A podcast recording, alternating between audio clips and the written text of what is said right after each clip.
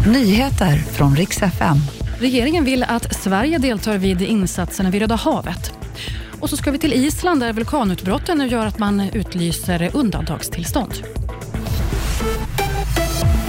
Regeringen vill att Sverige deltar i både den USA-ledda insatsen och den kommande EU-missionen i Röda havet. Det här sa utrikesminister Tobias Billström idag till Ekot. Regeringen vill höra hur riksdagen ser på det hela.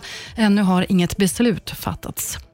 Ikea stänger ner två butiker i Stockholm. Det är för att deras planera och beställa-butiker ska stängas i vår i Bromma och Sickla.